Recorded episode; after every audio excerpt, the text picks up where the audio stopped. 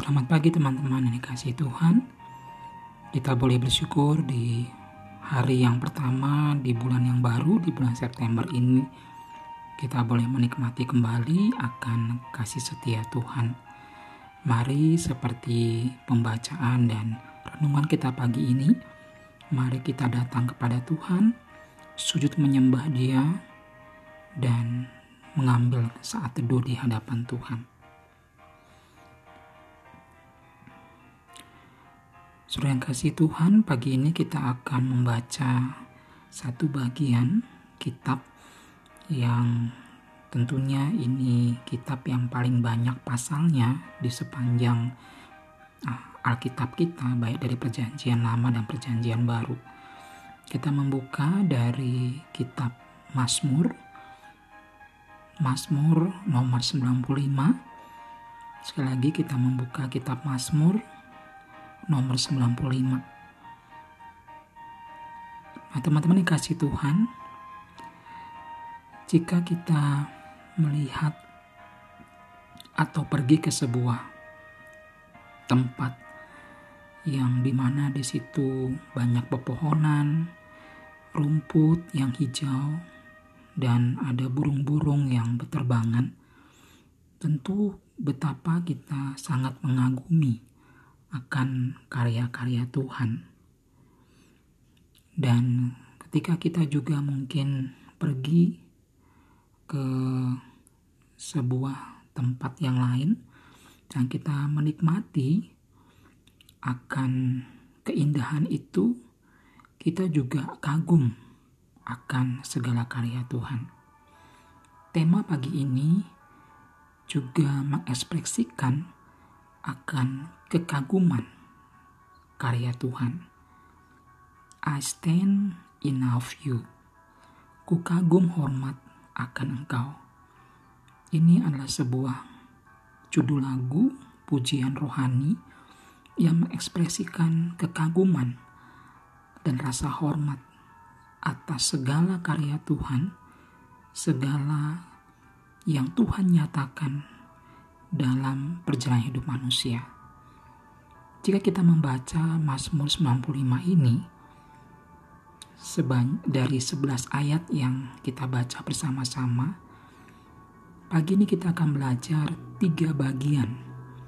Alasan mengapa kita kagum dan hormat akan Tuhan. Yang pertama kita melihat dari ayat yang pertama sampai ayat yang kedua. Ayat yang pertama dan kedua, alasan kita kagum dan hormat akan Tuhan.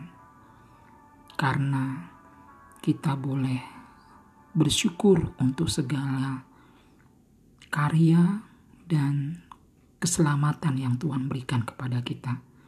Itu jelas dalam ayat yang pertama. Bersorak-sorai bagi gunung batu keselamatan kita.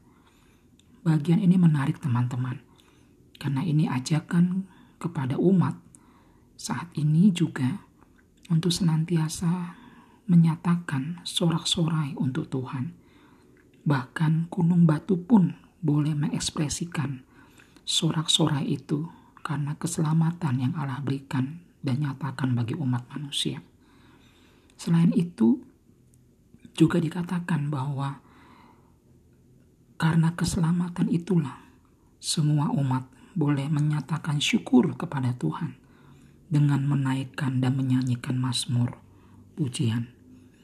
Teman-teman yang kasih Tuhan, ketika kita merasa kagum akan segala karya Tuhan, maka itu terekspresi melalui setiap karya dan ekspresi ungkapan syukur kita kepada Tuhan.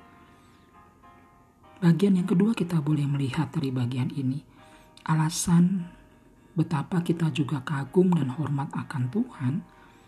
Kita lihat karena karya ciptaan Tuhan yang boleh nyata di dalam setiap perjalanan umat dan ciptaannya. Kalau kita melihat ayat 3 sampai ayat yang kelima, kita melihat bahwa ini sebuah ungkapan kekaguman yang boleh diekspresikan oleh pemazmur. Ayat 3 dikatakan sebab Tuhan adalah Allah yang besar dan Raja yang besar mengatasi segala Allah. Menunjukkan bahwa hanya dialah Allah yang menciptakan dan hanya dialah Allah yang mana semua umat ciptaannya termasuk gunung batu, tumbuhan, hewan, ah, siapa pun dan apa pun boleh memuji Allah. Dan kasih Tuhan kita melihat ada beberapa kata yang digunakan mengekspresikan kekaguman ciptaan akan Tuhan. Dikatakan ada kalimat kata bumi, ada kata gunung-gunung, ada kata laut, dan ada kata darat. Ini menunjukkan bahwa semua karya-karya Tuhan pun menaikkan pujian kepada Tuhan karena kebesaran dan karya yang sungguh ajaib. Ini bagian kedua yang kita bisa pelajari. Sehingga bagian ini pemazmur mengajak untuk kita boleh datang sujud menyembah Tuhan, berlutut di hadapannya, karena kita menyadari dari Dia, oleh Dia, dan untuk Dia, kita boleh dipilih menjadi umat gembalaannya, kawanan domba, tuntunan tangan Tuhan. Bagian yang ketiga yang kita bisa lihat alasan mengapa kita harus menyembah, mengagumi karya Tuhan. Karena kita menyadari bahwa kita adalah umat berdosa yang membutuhkan kemurahan dan kasih Tuhan. Ayat yang ke-8 sampai yang ke-11 menunjukkan bahwa umat percaya orang Israel pada zaman itu begitu sangat mengeraskan hati yang membuat Allah sangat murka dan membawa mereka selama 40 tahun di dalam pembuangan. Sebuah peristiwa yang tidak pernah dilupakan di dalam kehidupan bangsa Israel. Peristiwa di Meriba dan Masa adalah sebuah peristiwa yang menunjukkan keadilan Allah, tetapi juga sekaligus kesetiaan Allah terhadap umatnya yang masih mengeraskan hati, bahkan mengabaikan titah-titah Tuhan.